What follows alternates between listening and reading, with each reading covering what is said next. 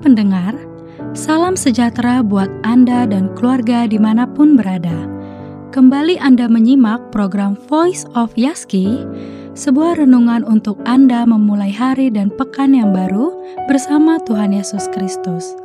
Masih bersama dengan Pendeta Wilson Suwanto, selamat mendengarkan, Tuhan Yesus memberkati.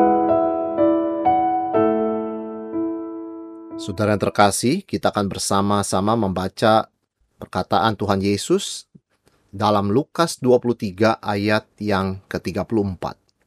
Yesus berkata, "Ya Bapa, ampunilah mereka, sebab mereka tidak tahu apa yang mereka perbuat." Yesus mengucapkan kata-kata ini yang secara urutan ditempatkan sebagai perkataan salib yang pertama. Dan kita sudah belajar apa arti atau makna dari perkataan ini? Bahwa Tuhan Yesus di dalam penderitaannya, di dalam kesulitannya yang dia lakukan terutama adalah berdoa. Bukan bagi dirinya sendiri, tetapi bagi kita dan bagi orang-orang yang menyalibkan dia. Di sini kita melihat bahkan di saat Tuhan Yesus sangat membutuhkan pertolongan, penghiburan, dia sangat membutuhkan sebagai natur manusianya, uh, dia membutuhkan bagaimana uh, kekuatan, kesehatan, dan bagaimana bisa ada peringanan kepada rasa sakit ya. Yang dia pikirkan bukanlah kebutuhannya, yang dia pikirkan bukanlah keinginannya, yang dia pikirkan bukanlah kepentingannya. Yang dia pikirkan adalah kita yang dia pikirkan adalah orang-orang berdosa.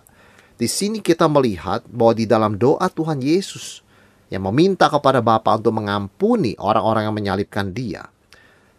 Yesus terus-menerus digerakkan oleh kasih. Apa pun yang dia lakukan, apa pun yang dia katakan, lahir dari kasih kepada orang berdosa. Dan itu sebabnya firman Tuhan mengajarkan bahwa Yesus Kristus adalah bukti terbesar bahwa Allah yang kudus mengasihi manusia berdosa. Kita tahu natur Allah, Allah yang kudus, dia membenci dosa. Dosa adalah sebuah antitesis terhadap Allah yang kudus, tetapi Tuhan juga penuh kasih sehingga dia mencari jalan, menciptakan jalan di mana dia bisa menyelamatkan kita tanpa mengkompromikan kekudusannya. Dan semua ini lahir dari kasih. Tuhan dengan hikmatnya yang agung mengirimkan anaknya yang tunggal Tuhan Yesus untuk menjadi sama dengan manusia supaya dia bisa mati menggantikan orang berdosa.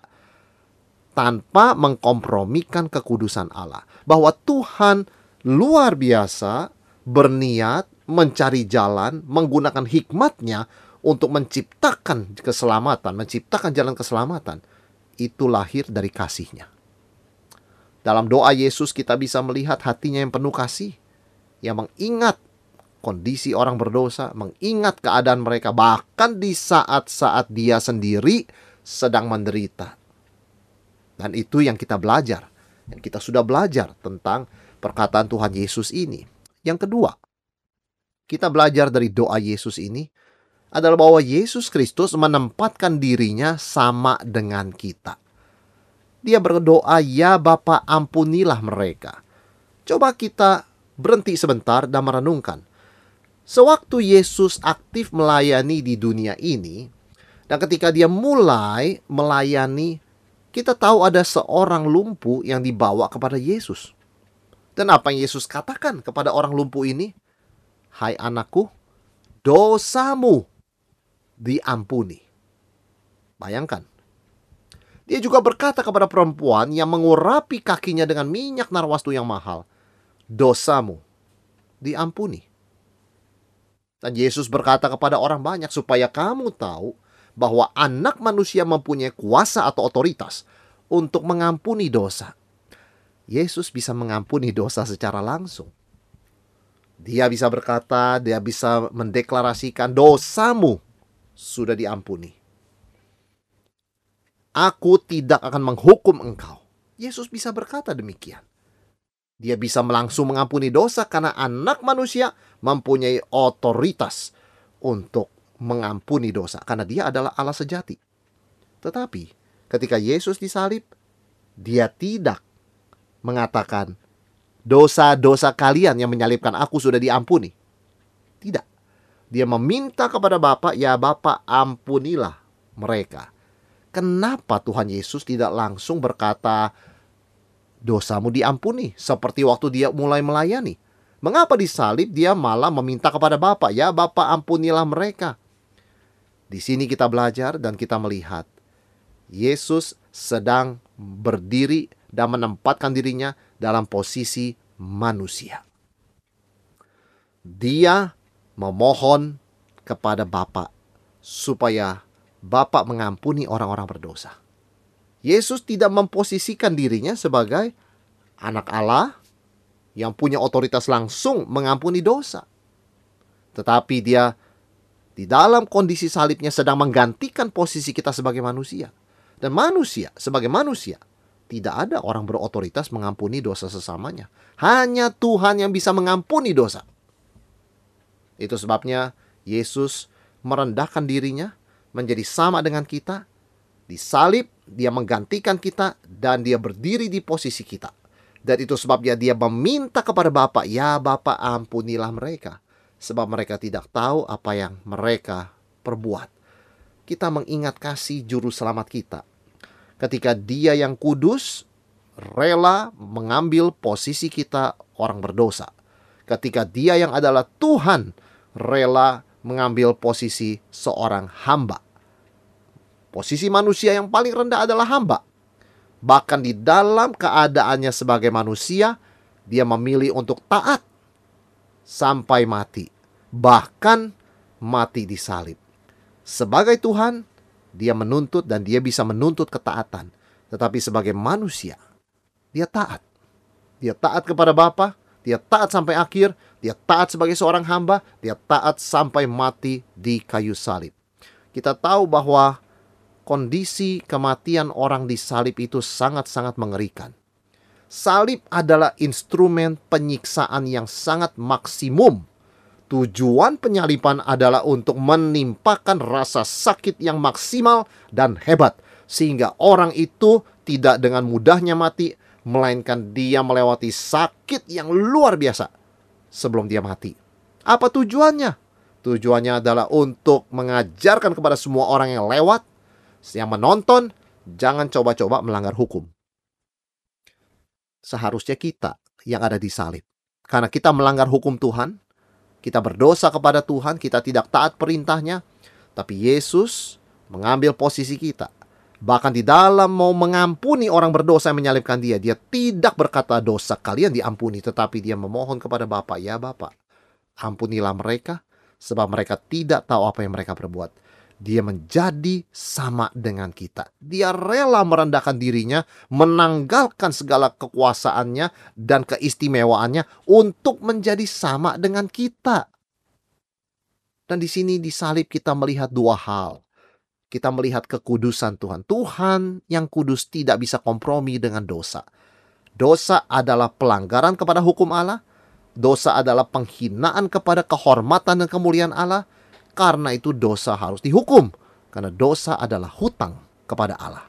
Manusia sewajibnya, sewajarnya memuliakan Tuhan. Tetapi ketika dia berdosa, dia merampas kemuliaan Tuhan. Dan dia berhutang kepada Tuhan. Kekudusan Tuhan mengharuskan dia bertindak adil dan menghukum dosa. Tetapi di salib kita juga melihat yang kedua, kasih Allah. Bahwa untuk menjalankan hukuman ini, Tuhanlah sendiri yang membayar harganya dengan mengirimkan anaknya.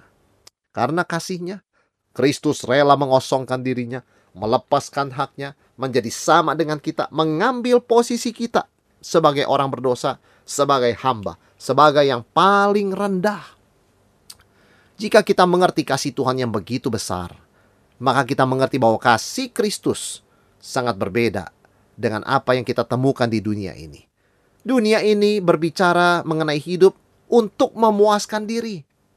Sedangkan di salib kita melihat Tuhan Yesus Kristus memilih untuk mengosongkan dirinya. Menganggap kesetaraan dengan Allah bukan sesuatu yang harus dipertahankan dan dieksploitasi. di dalam dunia manusia berdosa hidup untuk mencari kesenangan dirinya. Yang sebetulnya pada akhirnya adalah kosong dan tidak menyenangkan sama sekali. Tapi toh, karena tipu daya iblis dan berhala, manusia berdosa terus mengejar kesenangan pribadi. Tetapi di dalam diri Yesus kita melihat, dia mengosongkan dirinya. Dia mencari, dia tidak mencari kesenangannya sendiri. Melainkan kesenangan kita. Melainkan kebaikan kita. Dia mengosongkan diri. Dan di dalam dunia kita melihat, Manusia hanya kerjanya mengambil, mengambil, mengambil. Tidak ada batas untuk keserakahan. Meskipun sudah punya banyak, tetap mau lebih banyak. Meskipun sudah menikmati banyak, mau lebih banyak lagi, mau lebih menikmati lagi. Tidak ada puasnya. Itu sebabnya manusia berdosa hanya hidup untuk take, take, take. Mengambil, mengambil, mengambil. Tapi yang kita lihat di salib, Tuhan Yesus apa yang dia lakukan? Dia melepaskan, dia melepaskan, dia melepaskan. Dia adalah anak Allah, dia bisa mengambil kuasa. Dia anak Allah, dia bisa mengambil apa pun yang dia mau. Tetapi yang dia lakukan sebaliknya, dia melepaskan apa yang adalah miliknya. Dia melepaskan apa yang adalah haknya. Dia melepaskan apa yang seharusnya adalah keistimewaannya sebagai anak Allah. Ketika Yesus dicobai oleh iblis, di dalam kondisi dia sangat lapar, Yesus iblis berkata, "Jika engkau adalah anak Allah, ubahlah batu ini menjadi roti." Yesus berkata, "Manusia bukan hidup dari roti saja, tapi dari setiap perkataan yang keluar dari mulut Allah." Yesus bahkan tidak menggunakan keilahiannya untuk memuaskan rasa laparnya, untuk menyelesaikan masalah laparnya itu, karena dia melepaskan hak istimewa itu. Dan kita melihat dia menyerahkan kepada Tuhan bagaimana rasa laparnya dipuaskan. Sampai akhirnya Tuhan mengirimkan malaikat untuk melayani Yesus, termasuk memberikan kepadanya makanan. Tetapi bukan dia yang menggunakan hak itu, bukan dia yang menuntut hak itu, bukan dia yang mengambil untuk kebutuhannya. Dia rela melepaskannya.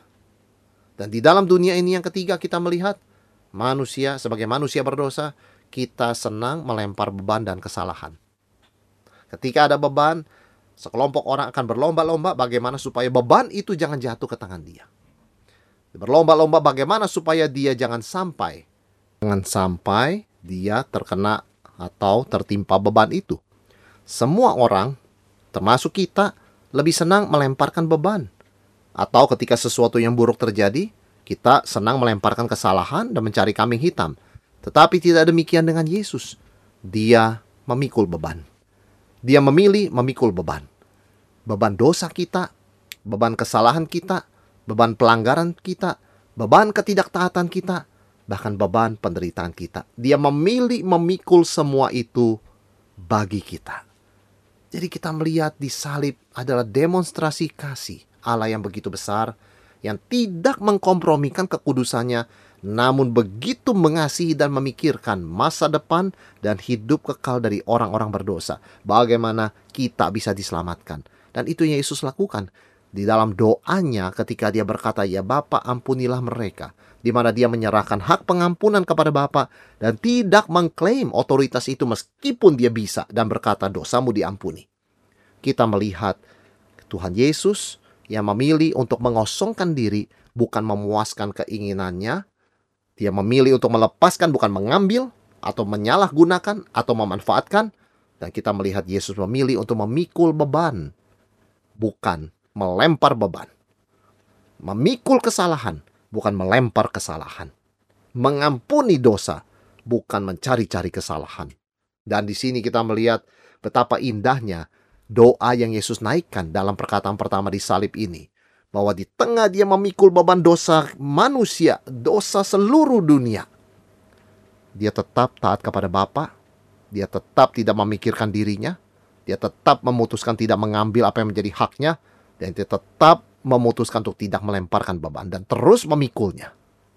Dan karena itu firman Tuhan mengatakan Allah sangat meninggikan dia dan mengaruniakan kepadanya nama di atas segala nama supaya di dalam nama Yesus bertekuk lutut semua baik yang ada di atas bumi, di bumi, di bawah bumi dan semua lidah mengaku bahwa Yesus Kristus adalah Tuhan bagi kemuliaan Allah Bapa kita.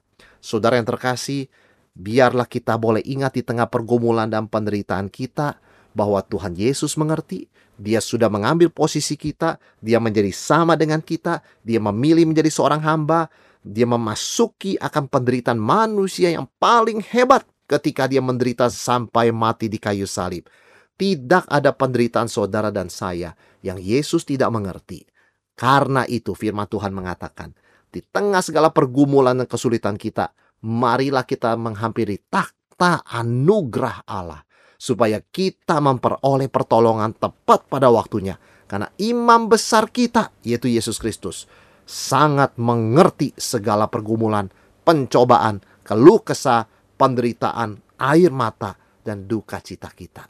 Maka kita dengan berani, dengan penuh keyakinan, datang kepada Yesus, dan dari salibnya, dari kebangkitannya, kita beroleh kuasa, pertolongan, dan mengalami kasih karunia Tuhan, pertolongan yang tepat pada waktunya.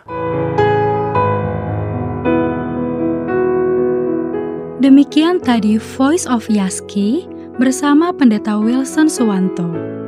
Anda bisa kembali mendengarkan episode kali ini melalui Spotify Voice of Yaski atau Anda juga dapat mendengarkan, membagikan, bahkan mengunduh episode-episode Voice of Yaski lainnya melalui podcast Yaski di podcast.yaski.co.id.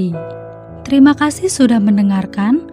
Salam sehat selalu dan Tuhan Yesus memelihara Anda dan keluarga.